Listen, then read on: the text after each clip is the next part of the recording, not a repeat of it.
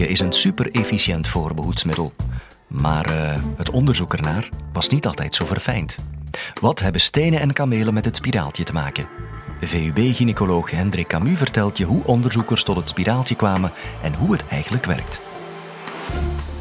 Dit is de Universiteit van Vlaanderen.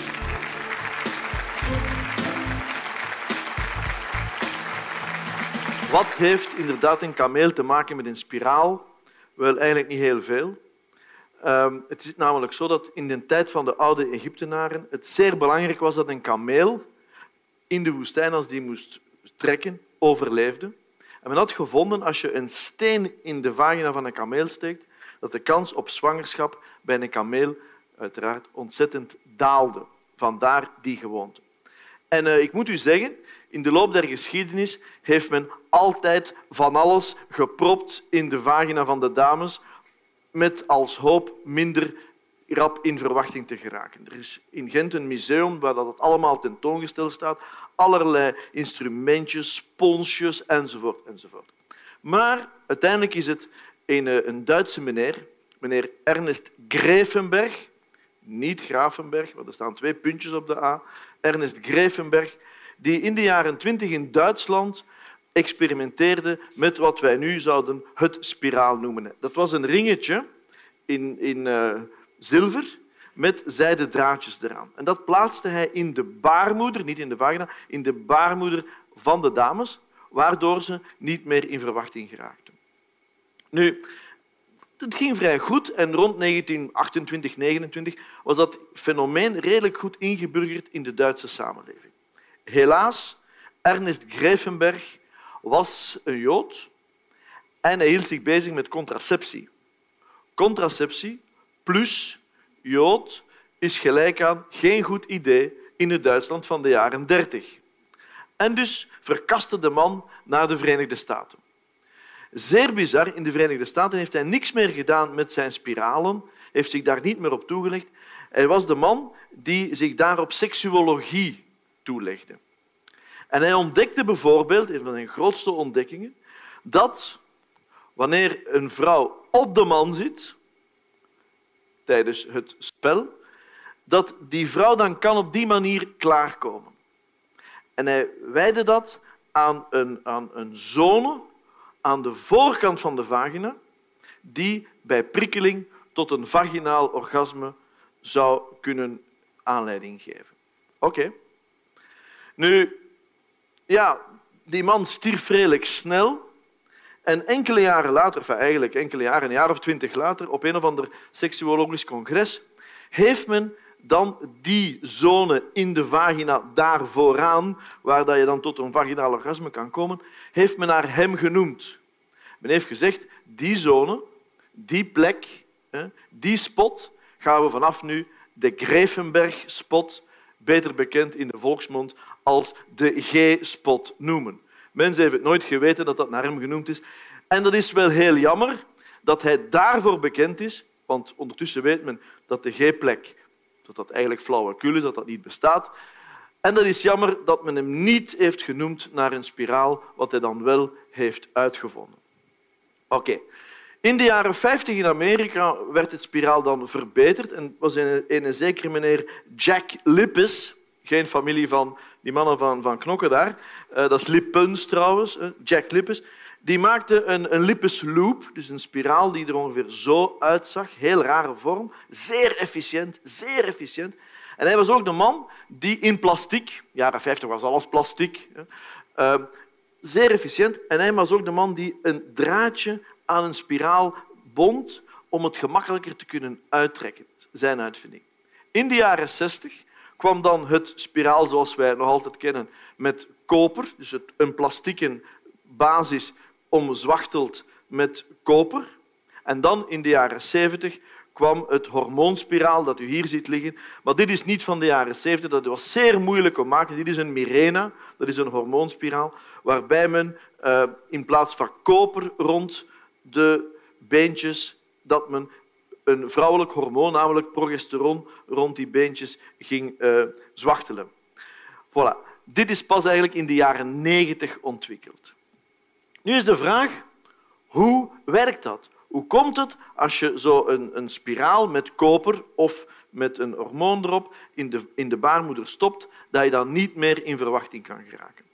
Daarvoor, en ik wil me even excuseren bij de dames, moet ik toch even de cyclus uitleggen, vooral voor de heren. Uh, goed, hoe zit dat in elkaar? Dat gaat als volgt. Cyclus duurt 28 dagen. Uh, tijdens die 28 dagen zullen hormonen vanuit de eierstok hormonen produceren. En die zullen de binnenkant van de baarmoeder eerst verdikken, opbouwen noemt men dat. Halverwege komt er een ijsprong. Dan komt er een nieuw hormoon en die zal die binnenkant van die baarmoeder niet meer opbouwen, maar ombouwen, zodanig dat daar een innesteling van een eventuele zwangerschap kan gebeuren. Goed. Zaadcellen, hoe gebeurt dat? Die komen van buiten, worden gedeponeerd met enkele honderden miljoenen in de vagina. Die moeten een lange en moeilijke weg die moeten doorheen de baarmoederhals, doorheen de baarmoeder, dan door de eileiders en dan liggen ze in de buikholte. En als daar op dat moment dan een eicel gesprongen is uit een eierstok, dan kunnen die daar in op het einde van de eileider, begin van de buikholte, samenkomen, een zwangerschap veroorzaken. Dan moeten die heel de weg terug om zich in te bedden in de binnenkant van de baarmoeder, waar dat bedje dan, die opbouw en ombouw gebeurd is, waardoor er zich een zwangerschap kan ontwikkelen. Gebeurt dat niet, is er geen zwangerschap, niks aan de hand, dan zal door een val van hormonen zal dat opgebouwde, die opgebouwde slijmvlies van de binnenkant van de baarmoeder, dat bedje, zal in het geheel worden uitgestoten. En dat zijn, zoals u weet, de regels, de menstruatie. Zo zit dat in elkaar. Goed. Wat gaan we nu doen? Wel, we plaatsen een koperspiraal in die baarmoederholte. En de cyclus die gaat gewoon door, zoals die altijd zou doorgaan. Hormonen bouwen op, hormonen bouwen om, eh, een ijsprong komt er eventueel, enzovoort. enzovoort. Dus de gewone zaak. Alleen, die koperionen rond dat spiraal, die oxideren. Die zorgen ervoor dat in die binnenkant, in die holte van die baarmoeder, een soort van ja, steriele ontsteking geen bacterie, geen virus, gewoon een ontsteking, geen infectie. Dus een steriele ontsteking heerst. Eh, een ontsteking light zou ik bijna zeggen. En wat doet dat? Wel, we gaan terug naar de zaadcellen. De zaadcellen komen van buiten, dus in de vagina. Die moeten doorheen die baarmoederhals. Daar zitten reeds koperionen van dat spiraal. Die koperionen die zorgen ervoor dat de hoop van die zaadcellen kapot gaat. Dus die vernietigen zaadcellen. Goed, een hele hoop gaan er weer door, enzovoort. Gaan uiteindelijk in de buik belanden. Veronderstel dat er een zwangerschap ontstaat.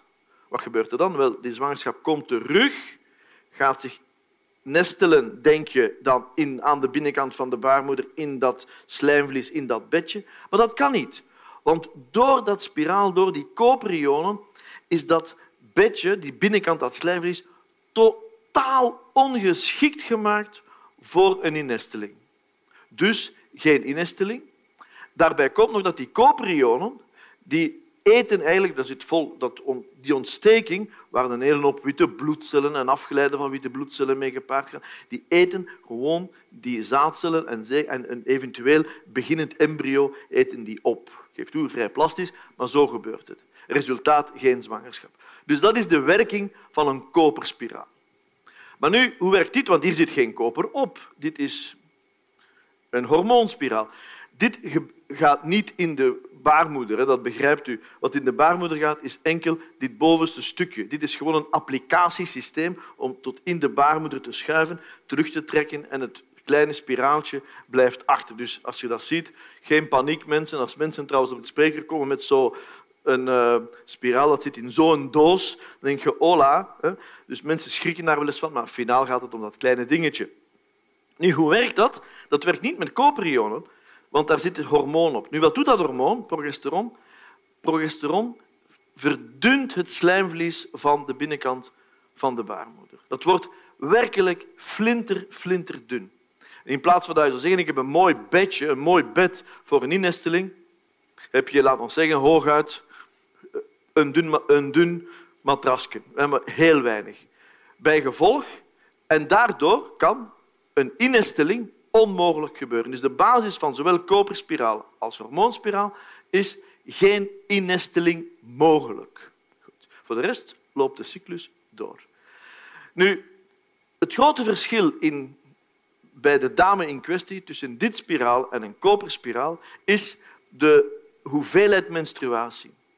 Door dat ontstekingsreactie binnenin die baarmoeder ligt dat slijmvlies gezwollen, is dat verdikt, maar ongeschikt voor implanting. Dus als die dames menstrueren, veronderstel dat een gewone dame vier, vijf dagen menstrueert, met een, met een koperspiraal is dat gemakkelijk zeven dagen, acht dagen. Er is meer bloed. Met een Mirena-spiraal is het juist het tegenovergestelde. Door die hormonen die daarop zitten, wordt die binnenkant van die baarmoeder, dat slijmvlies, flinterdun. Resultaat, ongeveer één vrouw op twee heeft met een hormoonspiraal geen menstruatie meer. En dat is de reden waarom, en dat is een fantastische eh, uitvinding toch, dat is de reden waarom een hormoonspiraal niet alleen gebruikt wordt voor contraceptie, waar het dus super efficiënt voor is, beter, efficiënter dan een sterilisatie, alstublieft. Maar het wordt ook gebruikt voor allerlei problemen van dames met menstruele stoornissen. Twee keer op een maand regels, te veel, te weinig enzovoort. Plaats je een spiraal, het aantal problemen verdwijnen. Resultaat, sinds dat dat spiraal op de markt is, doen wij veel minder operaties, omdat dit ons helpt problemen op te lossen. Nu, er is wel één probleem met een spiraal in het algemeen en dat is een probleem van, zou ik zeggen, ethische aard. Je zegt ja, maar alles gaat door, de ijsprong gaat door, er kan conceptie, er kan bevruchting zijn, er kan een embryo zijn.